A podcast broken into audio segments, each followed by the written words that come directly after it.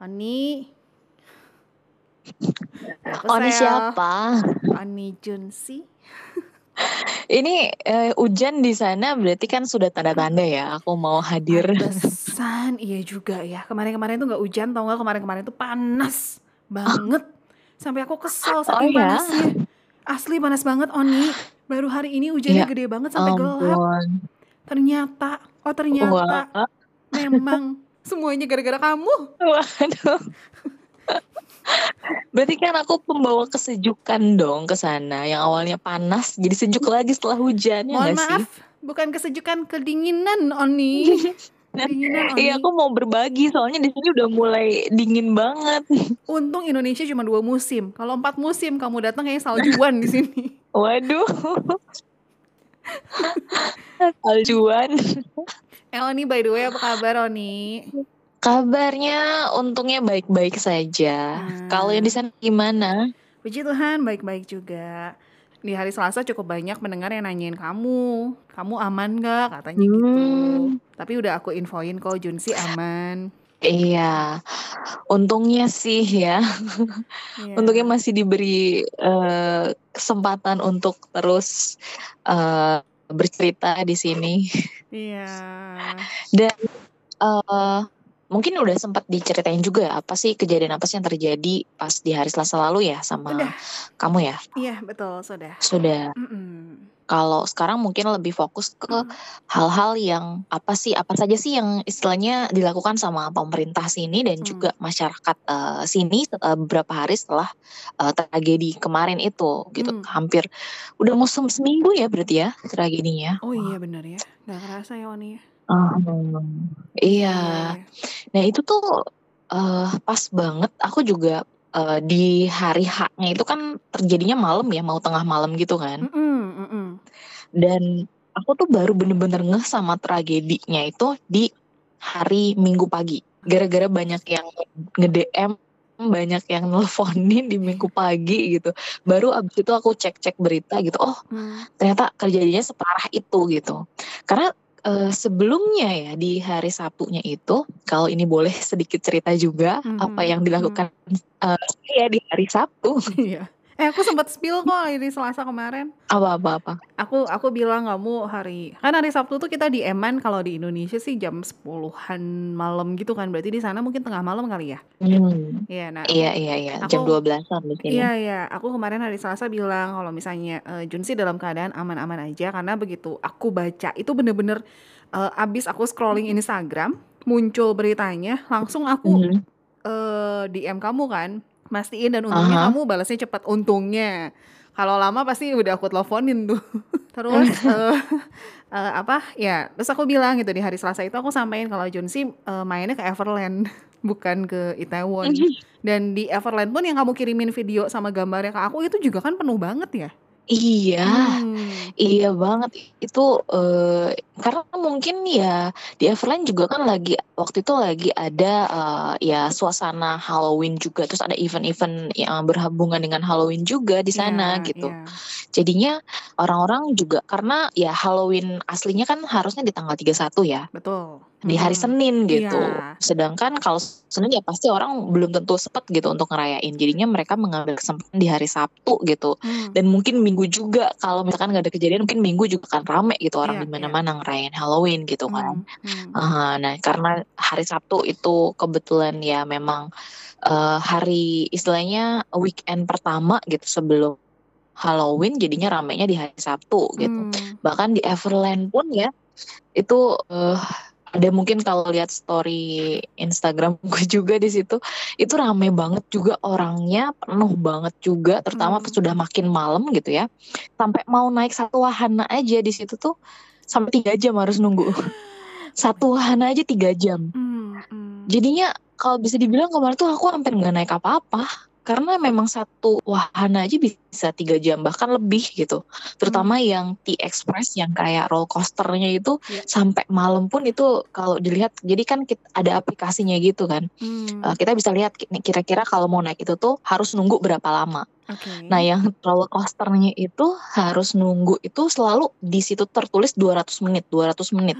Dan Ah, itu tidak berubah, tidak berkurang sampai jam 10 malam lebih. Baru berkurang, berkurangnya pun cuman sampai 160, terus makin malam beru- berkurang lagi 130 menit. Itu harus nunggu segitu. Jadi ya akhirnya udah nggak kayak ke tempat wahana hiburan sih waktu kemarin tuh malah kayak lagi ke kebun binatang. Karena ujung-ujungnya tuh ke wahana-wahana yang eh, bisa dibilang kebun binatangnya bukan untuk naik Hmm. wahana yang gimana gimana Iya, gitu. iya. Karena yang binatang itu yang lebih sepi, bukan berarti kosong ya atau Hmm. sepi, tapi sedikit lebih sepi gitu. Hmm, Paling nunggu satu jam gitu. Kan satu jam mending lah ya daripada tiga jam gitu ya Iya, ampun. benar-benar. Itu Jadi tapi dari mm-mm. dari video ataupun foto yang Junsi kirimin ke aku ya pendengar ya, itu tuh beneran padet banget dan aku ngerasa kayak Mm-mm. iya lautan manusia gitu. Beneran kayak mau gerak aja kayaknya susah gitu loh dari fotonya tuh kayak kepala kepala kepala kepala kepala gitu.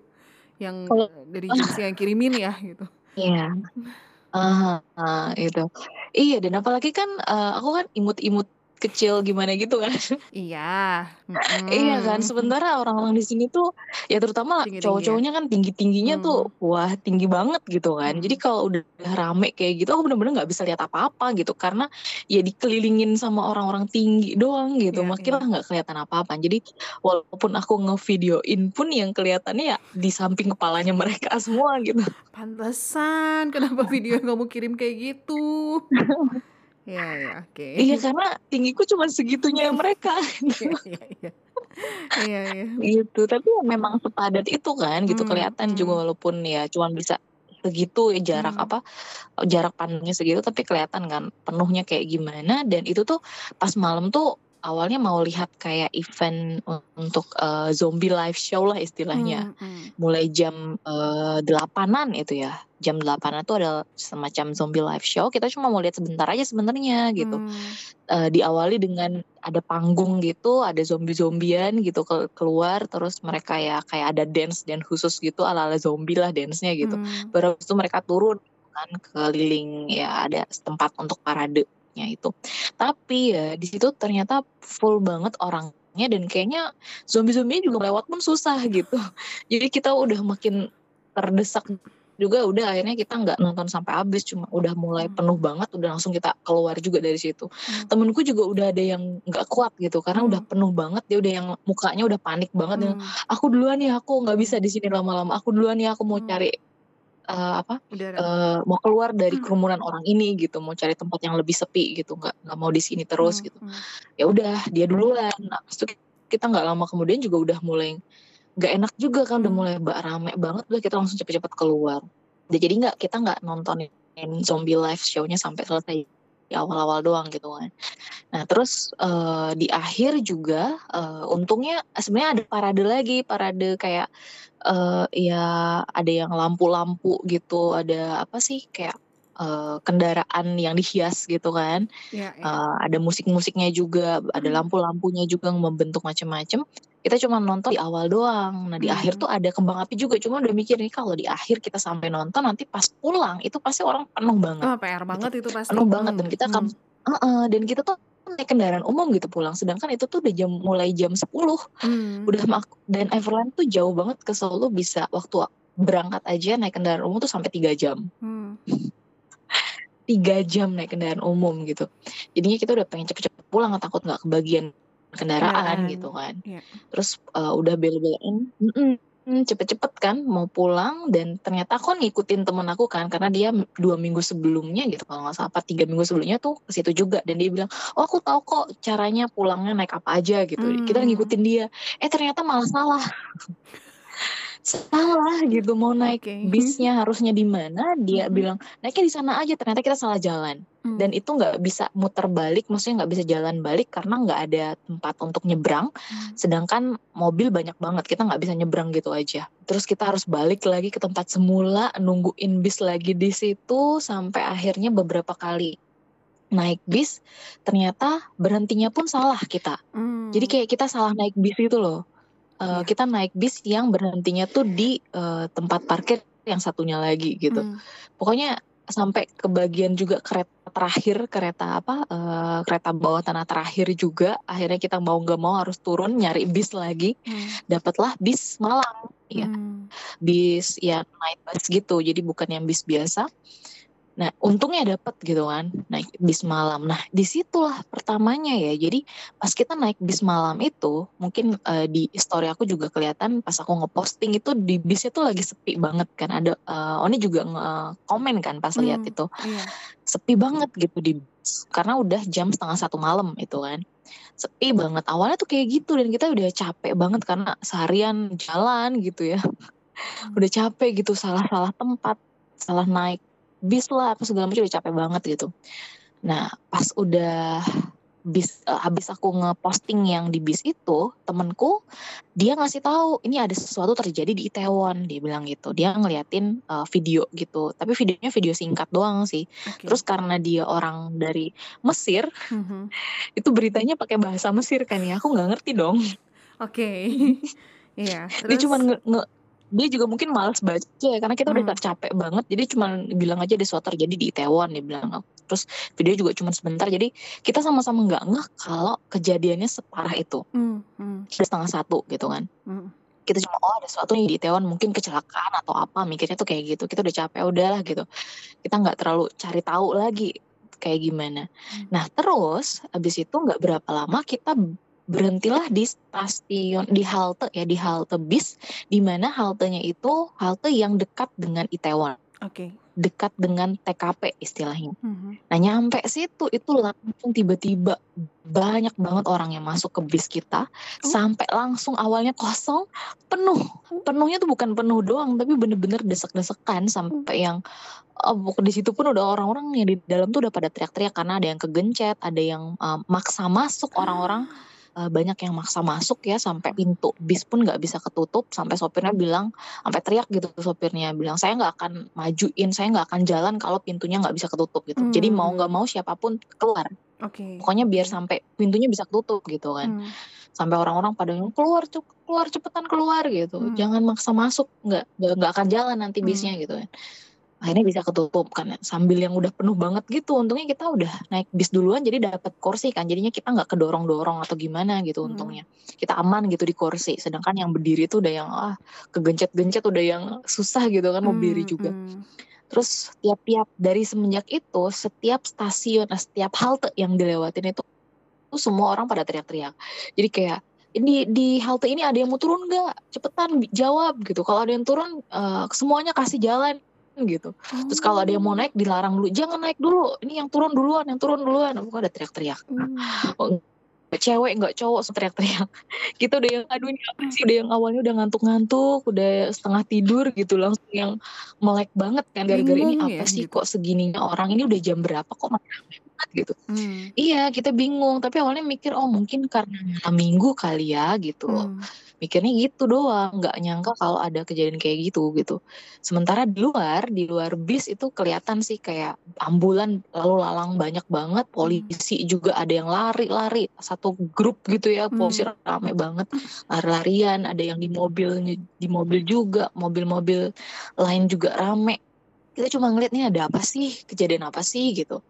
Cuman kita nggak sempet nyari tahu kan gitu. Hmm. Kita mungkin ngirain ada kecelakaan doang gitu mik- mikirnya gitu.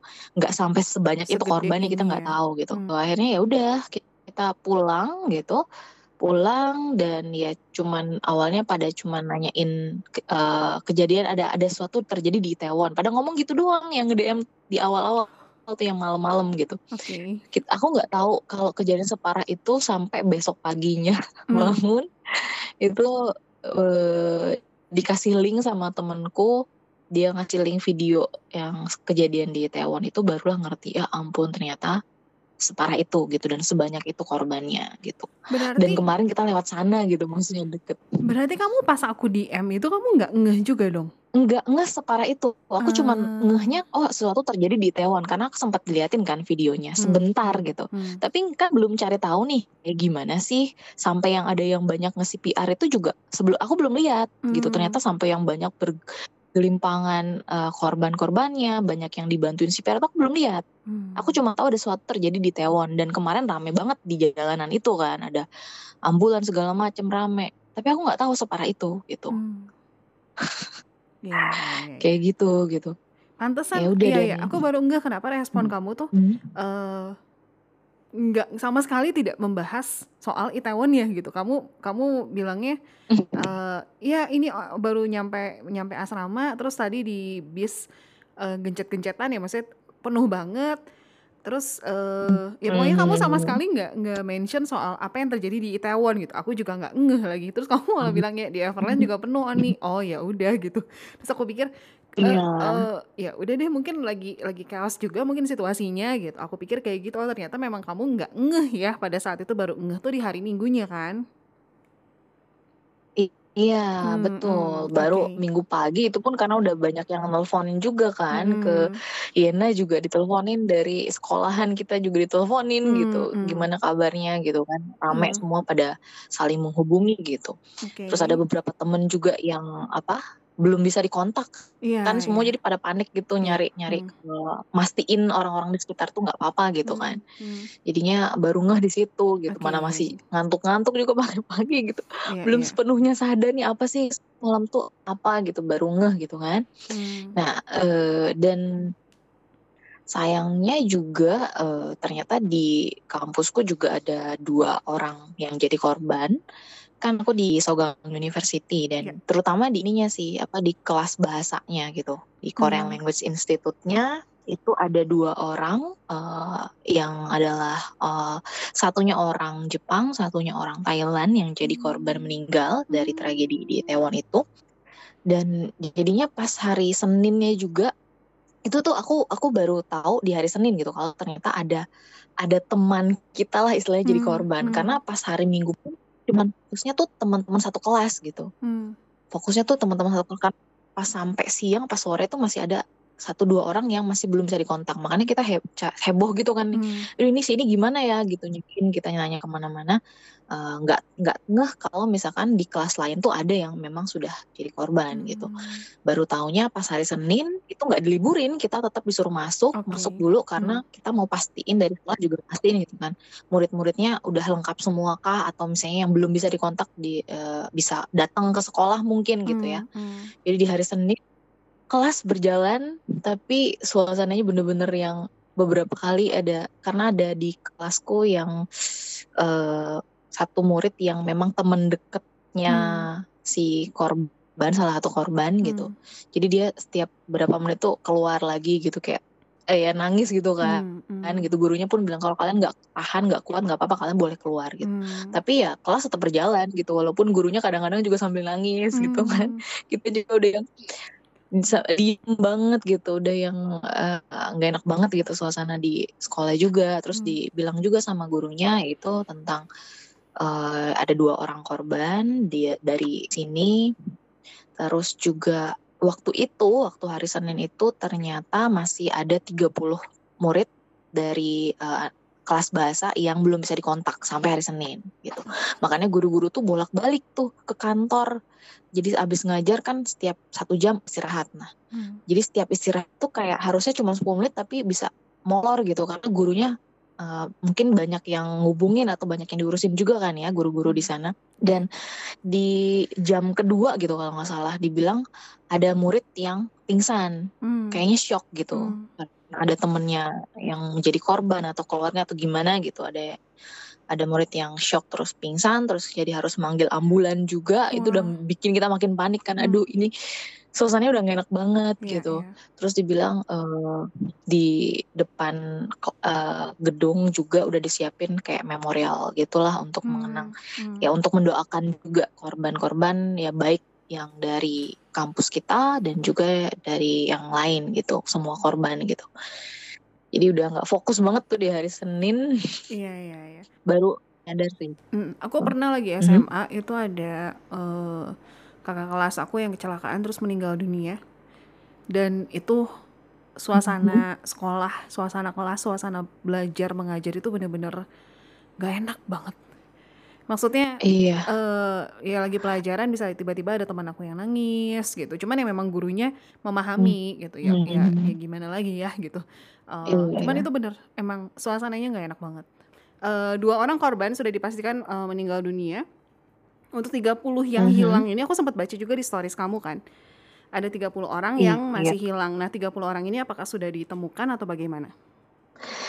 Nah, itu tuh eh, bukan hilang juga sih. Maksudnya masih Hmm. belum bisa dikontak gitu ya. Apakah baik-baik saja, apakah ke sana atau tidak, nggak tahu Oke. gitu. Cuman Mhm. kayaknya kalau aku tanya-tanya sih kayaknya sih sudah bisa dikontak lagi dan tidak Oke. ada tidak kenapa-napa gitu mereka itu Oke. semua gitu. Karena kalau misalnya ada lagi korban kan pasti akan ada kabar lagi kan dari gurunya pun Iya, pasti akan ngasih tahu juga ke kita gitu. Hmm. Tapi ini kan nggak ada lagi juga dan ya berarti eh, mungkin ya 30 anak itu sudah bisa dikontak dan mereka nggak apa-apa sih kayaknya Hmm, iya gitu. iya iya.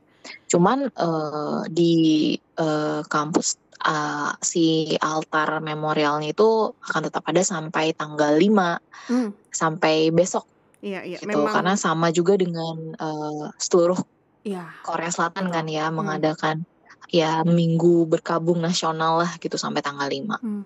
Ih, gitu. itu aku lihat di Instagram ya. eh, apa si memorial yang ada di Itaewonnya itu kan banyak banget bunga-bunga warna putih terus ada gelas soju, botol soju, ada cemilan-cemilan terus ada notes. Mhm. Notesnya sedih-sedih ya ampun. Iya. Kayak apa ya dibilangnya tuh maaf ya saya tidak bisa menjaga kamu dengan baik kayak gitu. Mhm. Iya. Di di kampusku juga Hmm. eh, ya selain ada altar kayak gitu, kita di dibolehkan untuk menulis pesan gitu kan. Jadi udah Hmm. banyak pesan-pesan juga Hmm. yang dituliskan dengan Hmm. berbagai bahasa juga. Aku Hmm. nulis juga dalam bahasa Indonesia gitu. Hmm. Awalnya udah mau nulis pakai bahasa Korea cuman ternyata lihat banyak yang nulis pakai ba- banyak bahasa juga ya udah aku pakai bahasa Indonesia aja biar lebih gampang juga Hmm. menyampaikannya ya. Enggak orang malah eh, salah fokus dengan grammarnya yang salah gitu misalkan. Oh Jadi iya iya.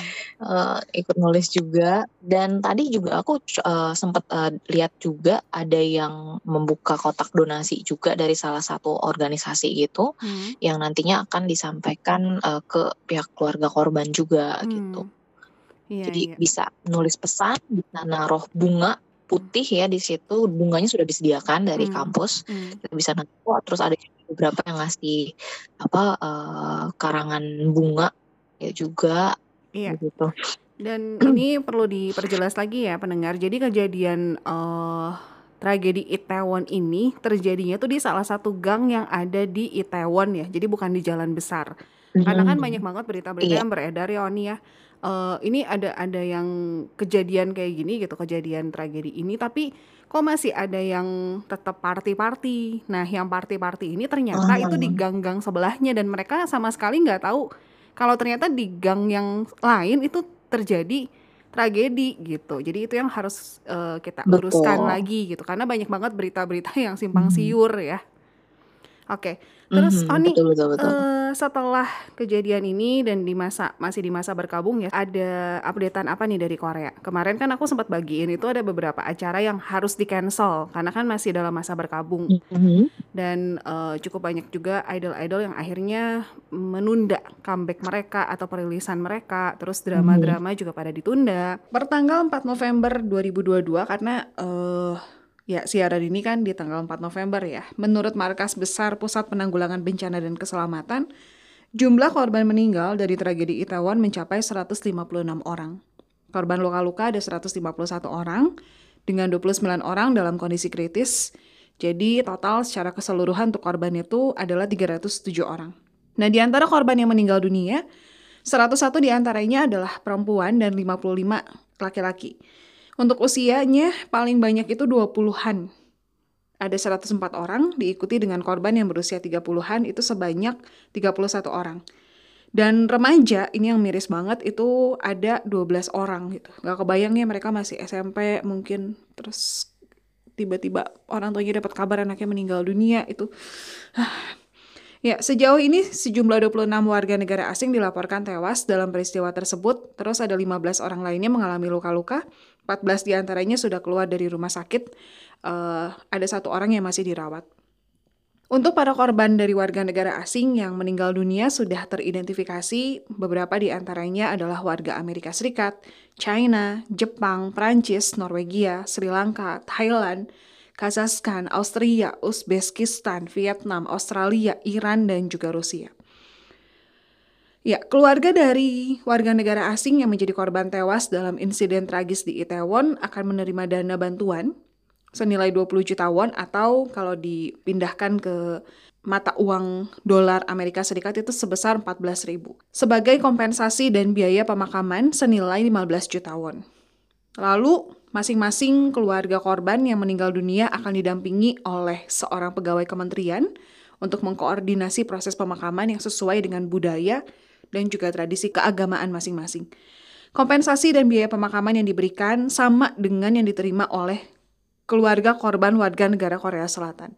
Jadi korban warga negara asing ataupun korban warga negara Korea Selatan sama-sama nominalnya. Sementara keluarga korban warga asing yang harus melakukan perjalanan dari negaranya untuk menghadiri pemakaman itu akan menerima sebesar 70 ribu won untuk biaya akomodasi. Selain itu, pembicaraan sedang berlangsung mengenai bantuan biaya medis bagi 15 warga negara asing yang mengalami luka-luka. Di hari Senin di tanggal 31 Oktober itu juga cukup banyak masyarakat yang e, mengunjungi altar penghormatan yang didirikan di alun-alun Seoul bagi korban tewas dalam tragedi Itaewon. Memang setelah kejadian ini cukup banyak orang yang mendirikan altar penghormatan. Masyarakat Korea Selatan sendiri memberikan penghormatan kepada para korban meninggal dan menyerukan supaya tragedi serupa jangan sampai terulang kembali. Di hari Selasa di tanggal 1 November, Altar penghormatan di alun-alun Seoul itu bisa dikunjungi mulai pukul 8 sampai 22 waktu Korea. Cuman walaupun demikian, pemerintah kota Seoul mengungkapkan bahwa kunjungan bebas oleh masyarakat juga bisa dilakukan di luar waktu tersebut. Jadi mungkin ada yang uh, sekalian berangkat kerja pagi-pagi gitu berangkat di jam 7 ya udah ke altar dulu untuk memberikan penghormatan. Jadi di luar jam 8 sampai jam 10 malam ini juga masih bisa untuk uh, memberikan penghormatan di altar tersebut. Distrik Yongsan-gu yang berada di Seoul juga mendirikan altar penghormatan di stasiun Noksampyeong.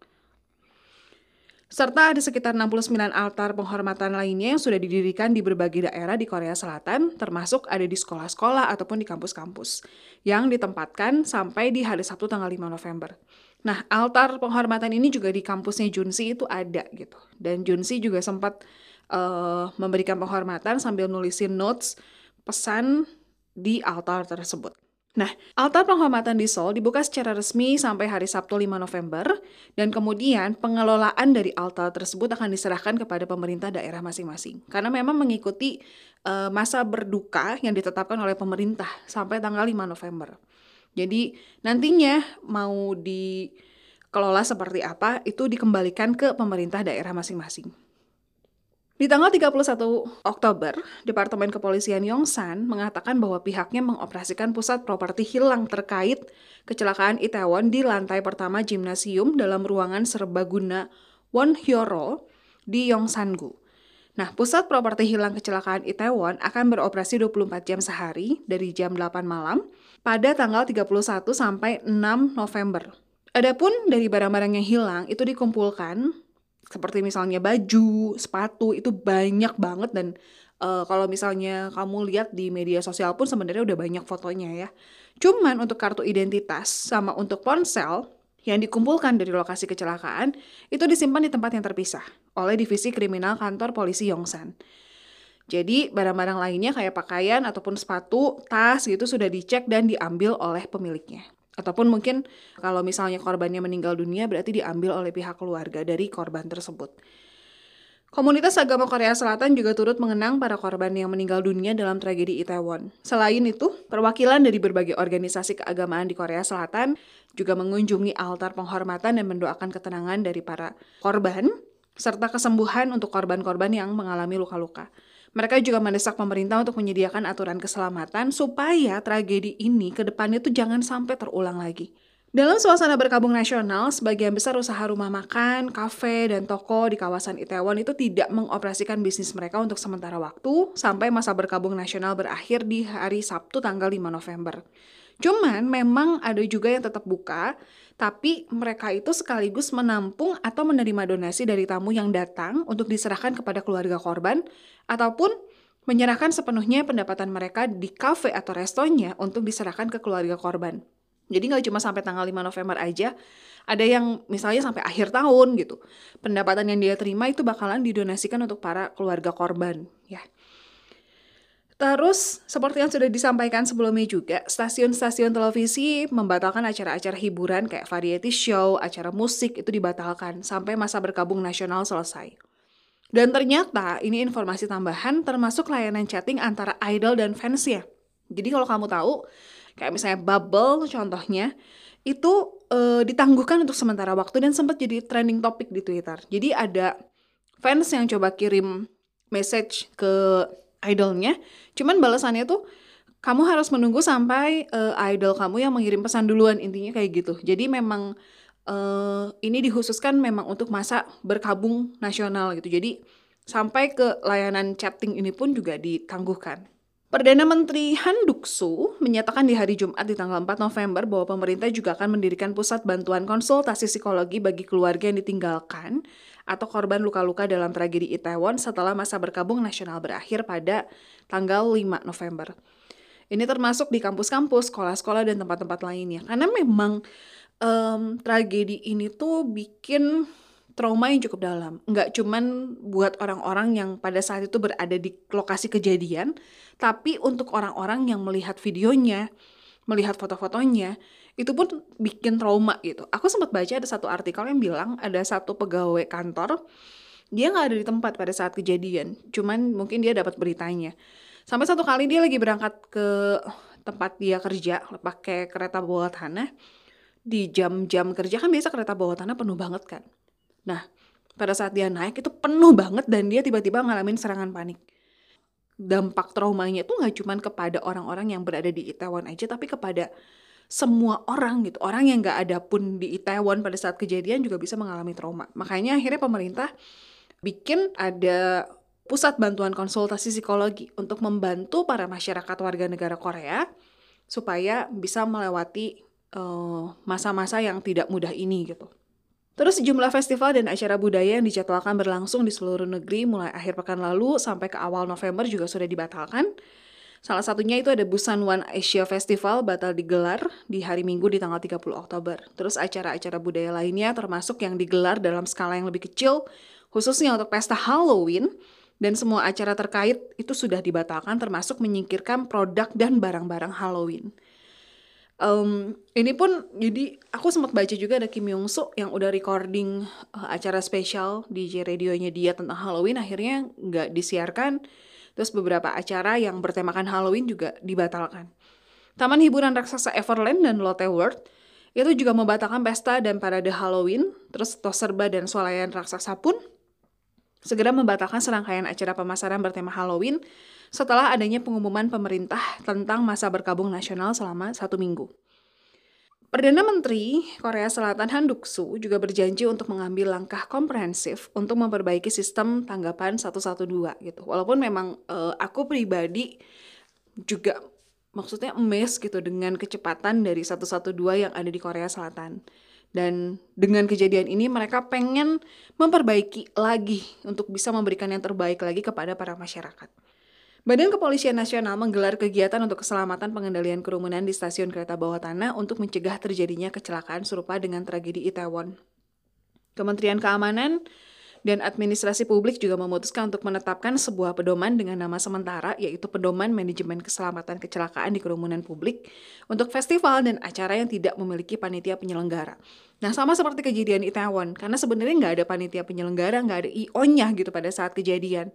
Jadi nggak ada yang bisa diminta pertanggungjawaban ketika di gang itu tuh penuh banyak orang gitu. Karena ya itu acara masing-masing aja. Kita mau hangout datang ke sana, tapi ya siapa yang mau dan siapa yang tahu gitu. Ternyata berujung kepada tragedi.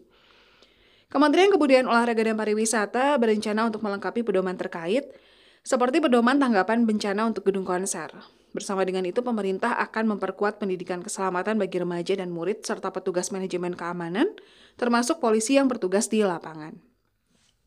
Terus ada satu lagi, Kementerian Kesehatan Gender dan Keluarga ini mengumumkan di hari Kamis bahwa mereka akan memperluas pendidikan CPR pada remaja dan pekerja di pusat pemuda karena e, memang CPR ini jadi salah satu skill yang wajib dikuasai oleh warga negara Korea dan yang melakukan CPR pun itu kayak kalau udah bisa uh, bisa dapetin sertifikat gitu loh. Cuman memang pada saat kejadian uh, nggak semua orang mungkin yang punya sertifikat yang melakukan CPR, tapi daripada nggak melakukan sama sekali gitu. Dan pada saat melakukan CPR pun ternyata ada beberapa orang yang bisa selamat, ya puji Tuhan. Tapi ada beberapa juga yang pada akhirnya harus meninggal dunia gitu. Dan selama tiga hari terakhir ini, kementerian sudah mendistribusikan materi pendidikan CPR ke pusat pemuda, uh, kursus pelatihan wajib bagi mereka yang ingin bekerja di fasilitas tersebut. Masyarakat pun sekarang ini mulai banyak yang berbagi klip video di media sosial tentang cara melakukan CPR yang benar seperti apa.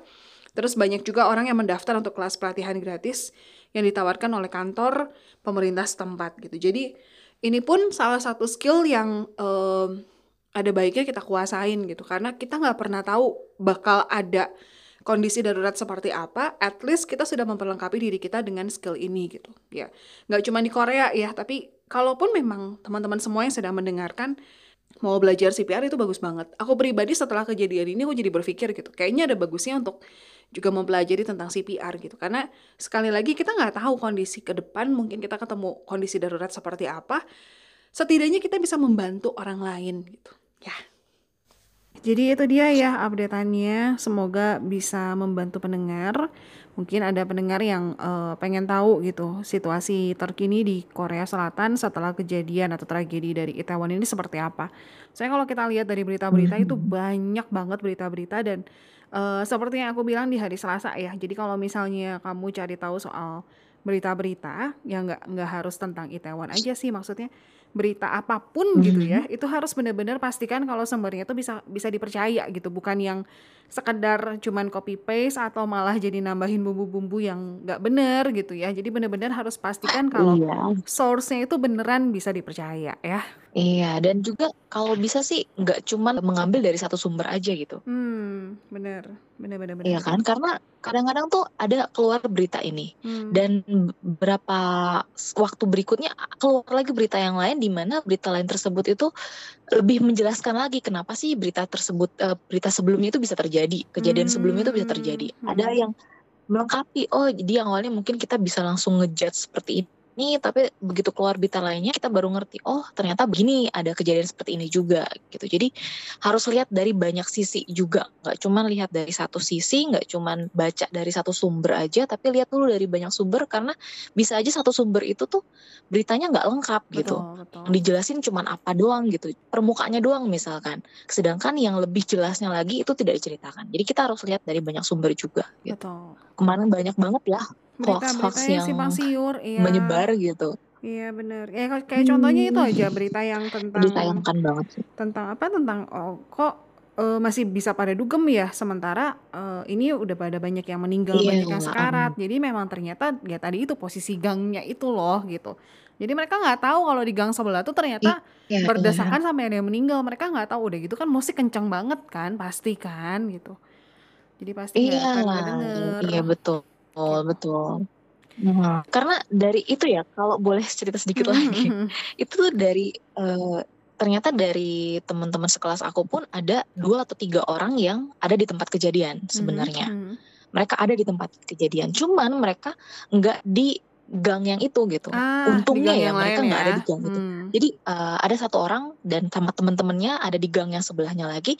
Yang satu lagi dan teman-temannya itu ada di seberangnya. Hmm. Yang satu lagi ada di bagian yang lain gitu. Dan mereka ada yang aku nggak tahu, aku baru ketahunya tuh jam 12-an gitu. Padahal kejadian udah jam 10 kan. Hmm. Ada juga yang kayak cuman ngelihat ada apa sih rame-rame gitu kok tiba-tiba banyak ambulan gitu. Walaupun mereka dari awal pun sudah ada gitu. Uh, maksudnya kalau di acara-acara Korea tuh ambulan itu biasanya memang selalu tersedia gitu. Hmm. Atau misalkan karena ya di sini kan budayanya budaya minum, jadinya yeah. banyak misalkan kejadian-kejadian kayak misalkan orang mabuk lah gitu, orang pingsan gitu. Eh, dan itu udah biasa gitu, udah ada ambulan. Jadi banyak Hmm. yang mikir, oh mungkin cuman ada yang mabuk, ada atau misalkan cuman ada yang eh, ya gara-gara minum terus jadi berantem kayak gitu doang. Banyak yang Hmm. mikirnya tuh kayak gitu. Mereka nggak tahu kalau ternyata Separah ada kejadian ini. yang seperti itu Hmm. gitu. Mereka cuma mikirnya seperti itu doang. Oh cuman gini nih gitu. Iya, iya, Ya iya. biasalah kalau ada acara rame-rame di Korea kan banyak yang seperti itu. Jadi mereka nggak mikir separah itu gitu. Dan Hmm. ada juga yang mikir kalau itu tuh bagian dari pertunjukan Halloween. Halloween, Karena kan banyak yang dandan Oh, iya. pucat gitu kan. Banyak yang dandan dandan sama orang yang sudah eh, meninggal gitu. Mm-mm. Banyak yang kayak mereka ber, ber- apa? Bukan cuma dandan gitu, tapi kayak orang cosplay kan juga berakting gitu Iya, lah. iya. Kayak gimana Mm-mm. orang bawa bawa temennya digendong gimana Mm. gimana. Mereka pikir ada beberapa yang mikir kalau itu tuh bagian dari pertunjukan Halloween gitu. Jadi Iya, nggak iya. semua tuh ngeh kalau di situ ada suatu kejadian besar gitu. Hmm. Nah, aku mau nyampein ya buat semua